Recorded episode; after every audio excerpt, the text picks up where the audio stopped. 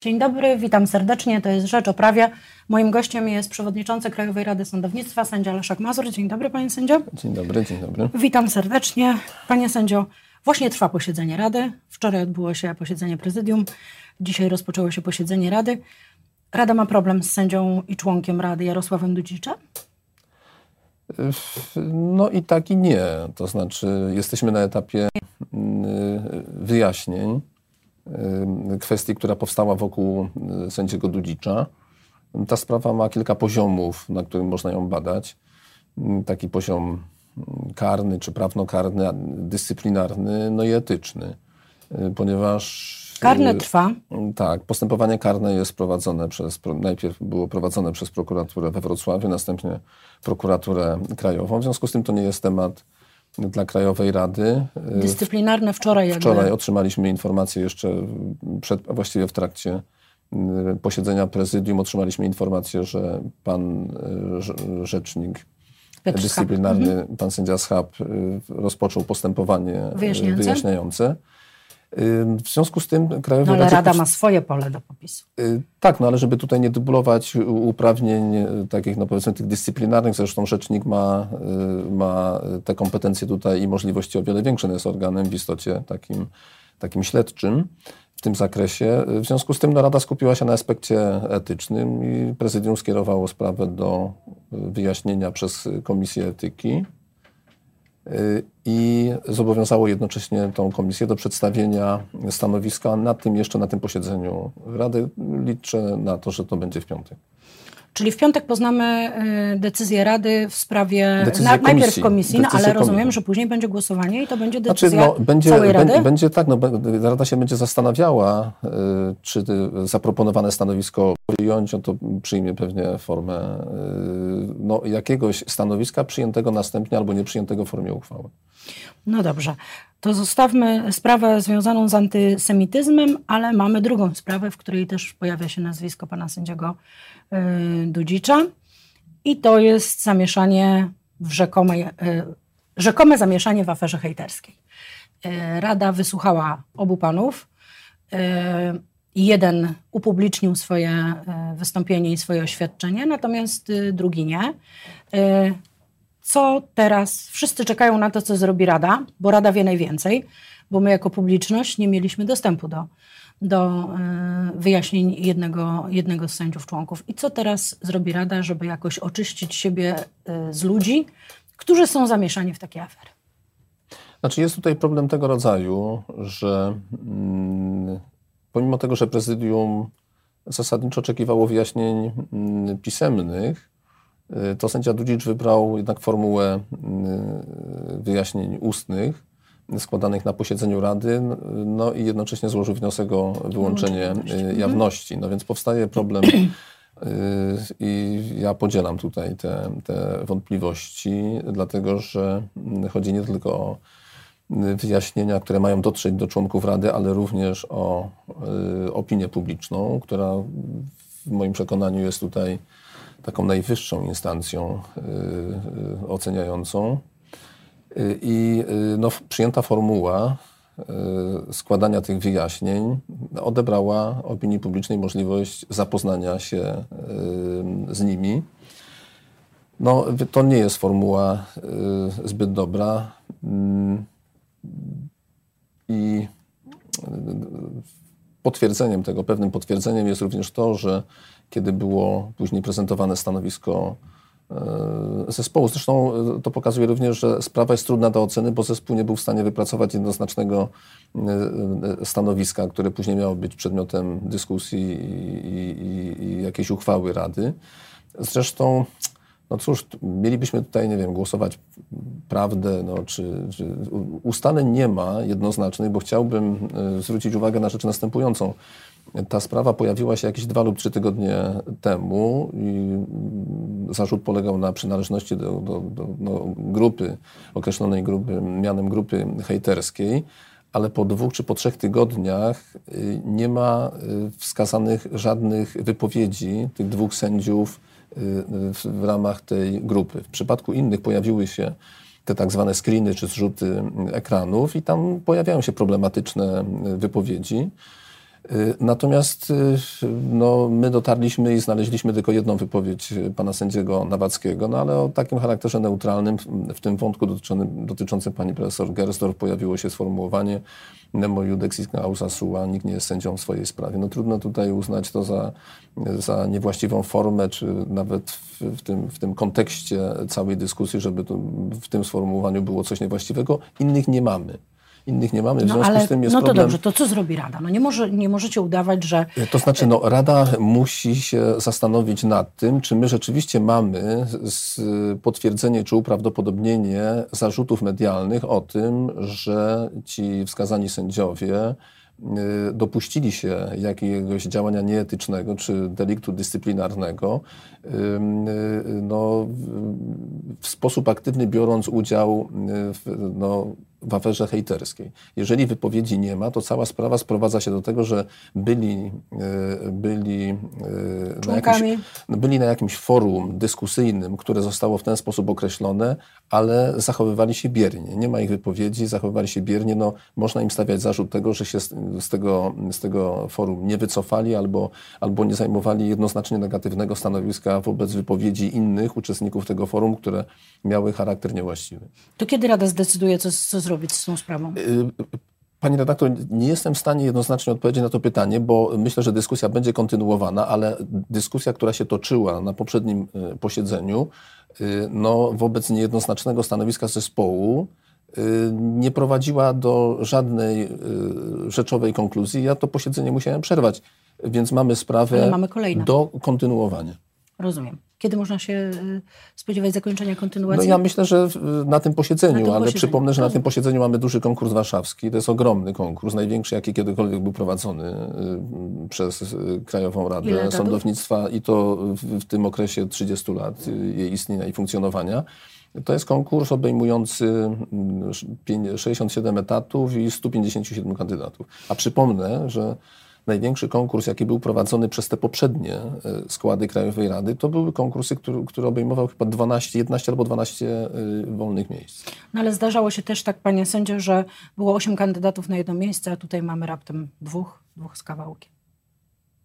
Jeśli chodzi o konkurs No tak, ale jednak to nie, y, nie to stanowi o yy, Wielkości trudności konkursu, oczywiście. prowadzenia takiego konkursu, tylko jego rozmiar, bo gdyby on był podzielony na jakieś mniejsze części, czyli gdyby to było na przykład 10 konkursów obejmujących tam odpowiednio 5 czy 10 etatów, to on byłby łatwiejszy do przeprowadzenia. Natomiast, Zakończycie go na tym posiedzeniu? Y, no będziemy się y, starali, ale to jest tak na granicy możliwości zmieszczenia tego konkursu w ramach posiedzenia trwającego 4 dni.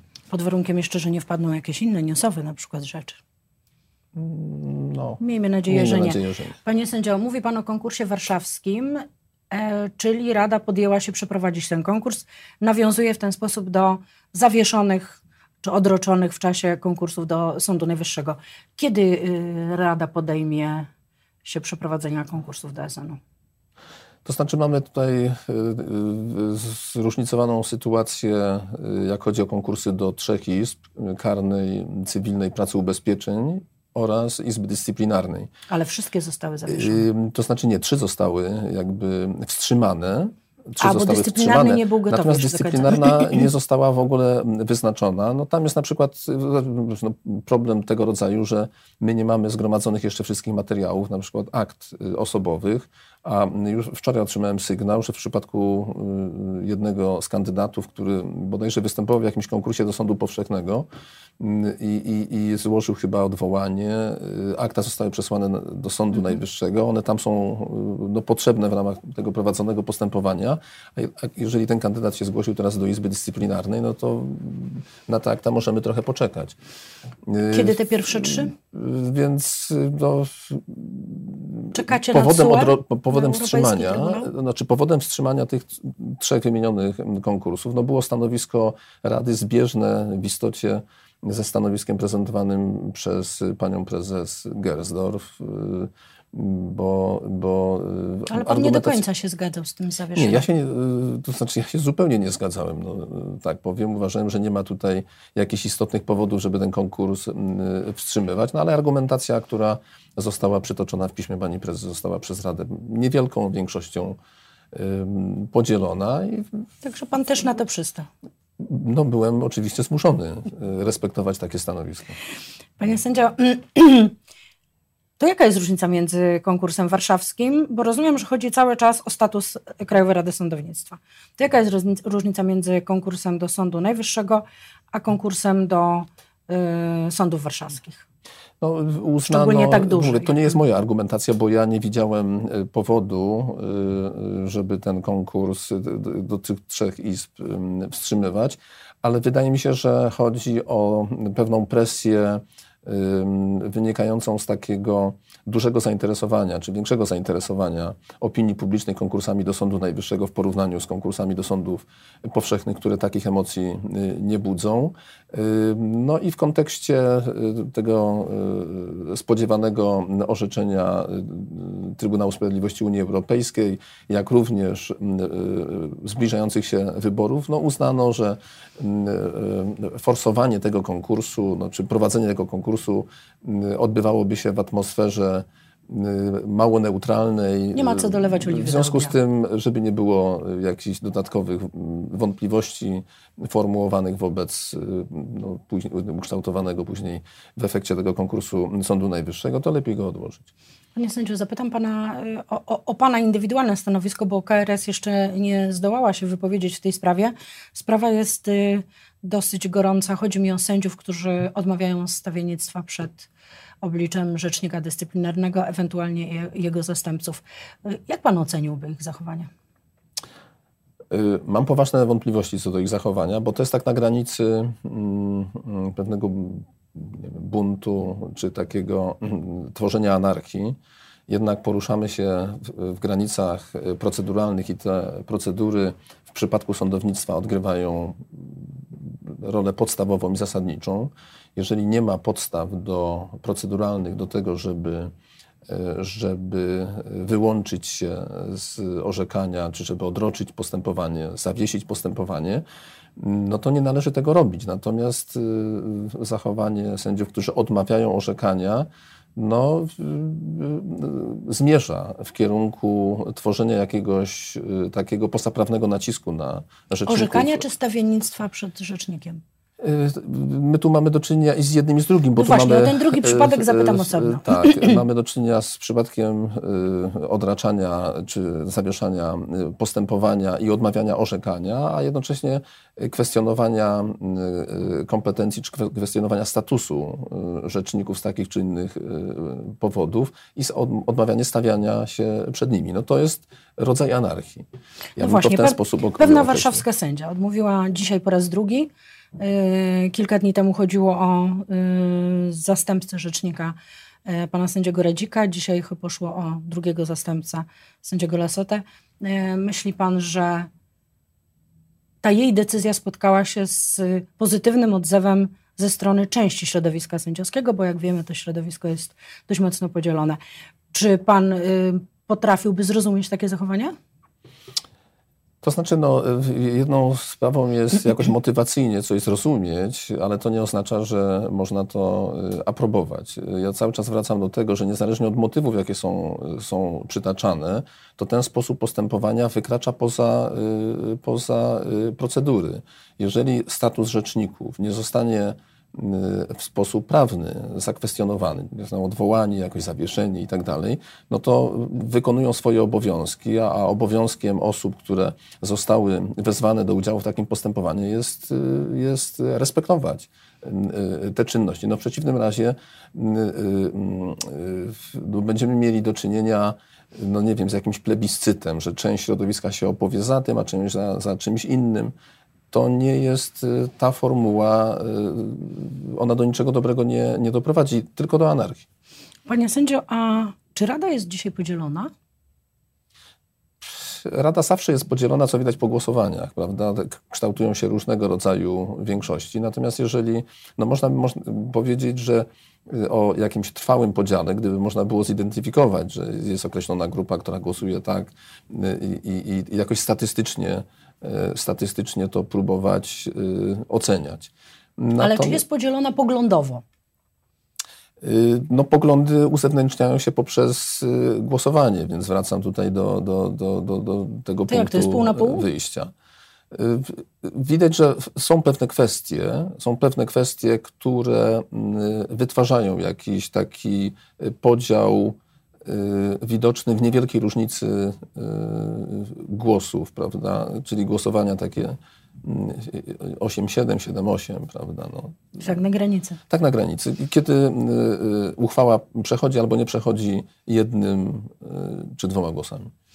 E, panie sędzio, a przystąpiliście już do pisania kodeksu etyki, który ma uregulować zasady zachowania się sędziów, którzy będą chcieli być aktywni, w, krótko mówiąc, w internecie, w mediach społecznościowych. Znaczy, prawdę mówiąc, jeszcze się za to nie zabraliśmy. Widać, że to jest kwestia, która, która mm, ze względu na te wydarzenia, y, które miały miejsce w ostatnim czasie, y, y, wymaga pochylenia się, ale no mamy jakiś już opracowany, obowiązujący zestaw tych, tych norm etycznych, Y, to jest takie nowe zagadnienie, które pokazuje, y, jest odzwierciedleniem zmieniających się prawda, czasu i rozwoju mediów społecznościowych, które wkraczają y, coraz poważniej. Ale macie przecież kodeks etyki. Yy, tak. Państwo jako, środo, jako sędziowie. Yy, I tam jest za, zalecana powściągliwość. Yy, Naprawdę sędziom trzeba tłumaczyć, co to znaczy powściągliwość? No, Jakie ma granice? Pani redaktor, wrócę do tego punktu wyjścia, tego rozumowania, że być może u, umyka nam to również sędziom, że media społecznościowe wkraczają w taki sposób bardzo, bardzo ekspansywny. W związku z tym zapomina się, albo się jakoś yy, yy, no, zapomina się o, właśnie o ogólnym pojęciu, co to znaczy powściągliwość. Być może trzeba to po prostu pokazać Łatwiej na przykładach. się na albo, pewne zachowania, Albo prawda? wymienić, tak, bo zapomina się, jak się występuje na Twitterze, czy, czy w jakichś takich no, pozornie czy teoretycznie prywatnych, półprywatnych grupach dyskusyjnych, a one później stają się własnością publiczną. A da się tam zapisać, panie sędzio, e, na przykład, e, czy jest w ogóle szansa, żeby w takim kodeksie pojawił się przepis, że sędziowie nie powinni hejtować, czyli stosować jakieś tam mowy, w cudzysłowie oczywiście nienawiści, w stosunku do innych sędziów? Znaczy to jest przypominanie, znaczy no próba zapisywania w szczegółowym takim kodeksie etyki czegoś, co powinno leżeć w naturze, w kulturze i jakimś ogólnym y, obyciu i z tego, z tego I wynikać. przyzwoitości, Tak, i poczuciu przyzwoitości, więc zapisywanie tego i rozpisywaniu na, na, na, na jakieś... Yy, yy, no, takie dodatkowe uzupełnianie jakimiś przypisami, przykładami, no, jest może trochę problematyczne. Się szybko nieaktualne. Może się okazać nieaktualne, ale być może właśnie w przypadku, w przypadku tego sformułowania o pościągliwym zachowaniu może należałoby wymienić kazuistycznie jednak e, jakieś działania, zachowania, zachowania no, które grożą tak. przekroczeniem przyjętych granic. Sędzio, I to czy... będzie pewne ostrzeżenie. Tak? No tak. Panie sędzio, czy Sędziowie, którzy byli w delegacji w Ministerstwie Sprawiedliwości, w tym były wiceminister sprawiedliwości, powinni szybko wrócić do orzekania? Powinni wrócić do orzekania, kiedy mm, no, powstaną, to znaczy szybko, kiedy zostaną wyjaśnione i rozstrzygnięte wątpliwości, które narosły, mhm. narosły y, wcześniej, nie? wokół, wobec nich, mm, bo to wyjaśnienie może oznaczać może oznaczać wszczęcie postępowania na przykład dyscyplinarnego, a to będzie prowadziło do ograniczenia albo wykluczenia czy zawieszenia ich e, w orzekaniu. Ale jeżeli mm, ten czas zostanie dobrze wykorzystany i te wątpliwości zostaną rozwiane, przeszkód nie będzie, no to mm, byłoby jakąś pozaprawną sankcją e, eliminowanie ich z orzekania. Na koniec jeszcze zapytam pana, panie sędzio, bo czas nieubłagalnie biegnie.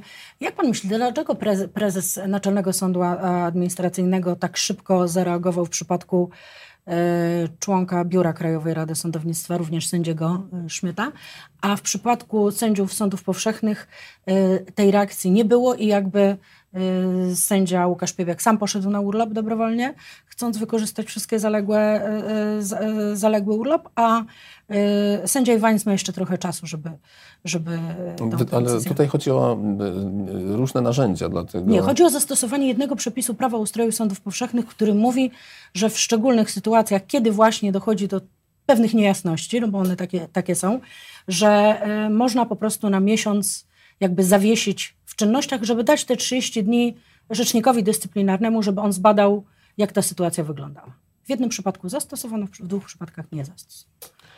No, jest to warsztat y, rzeczników. Y, sądy administracyjne Y, może cechują się jakąś odrębnością i, działają y, y, szybciej. Może liczba sędziów, która jest w tym pionie jest nieco mniejsza. No, w sądownictwie powszechnym tych sędziów mamy Y, około 80 tysięcy, natomiast w sądownictwie administracyjnym wydaje mi się, że to jest, jest, jest ich znacznie, znacznie mniej, no pewnie poniżej, poniżej y, tysiąca, więc łatwiej to jakoś tak, tak ogarnąć. Natomiast y, mnie ten aspekt, nad tym się jakoś specjalnie zastanawiałem, ponieważ sankcja, którą czy ten środek, który zastosował prezes Naczelnego Sądu Administracyjnego w kontekście tych spraw, które się pojawiły w stosunku do mm, jednego z sędziów delegowanych, polegał na odwołaniu go z, z, z delegacji, prawda, co spowodowało automatyczne w sumie odwołanie go przez nas z funkcji dyrektora jednego z wydziałów. Panie sędzie, y, nie życzę panu, dziś zabrakło nam jeszcze trochę czasu do, do wyjaśnienia kilku kwestii. Życzę panu, żeby końcówka roku była y, dużo spokojniejsza i żebyśmy mogli wybrać jeden temat i spokojnie o nim porozmawiać. Ale do końca roku mamy jeszcze trochę czasu, trochę czasu jest mamy. dopiero jesień. Tak, więc... Przed nami zima, miejmy nadzieję, że spokojna. Dziękuję panu Dziękuję pięknie. bardzo. Moim gościem był sędzia Leszek Mazur, przewodniczący Krajowej Rady Sądownictwa. Ja zapraszam na jutro na Rzecz o Prawie na godzinę 13.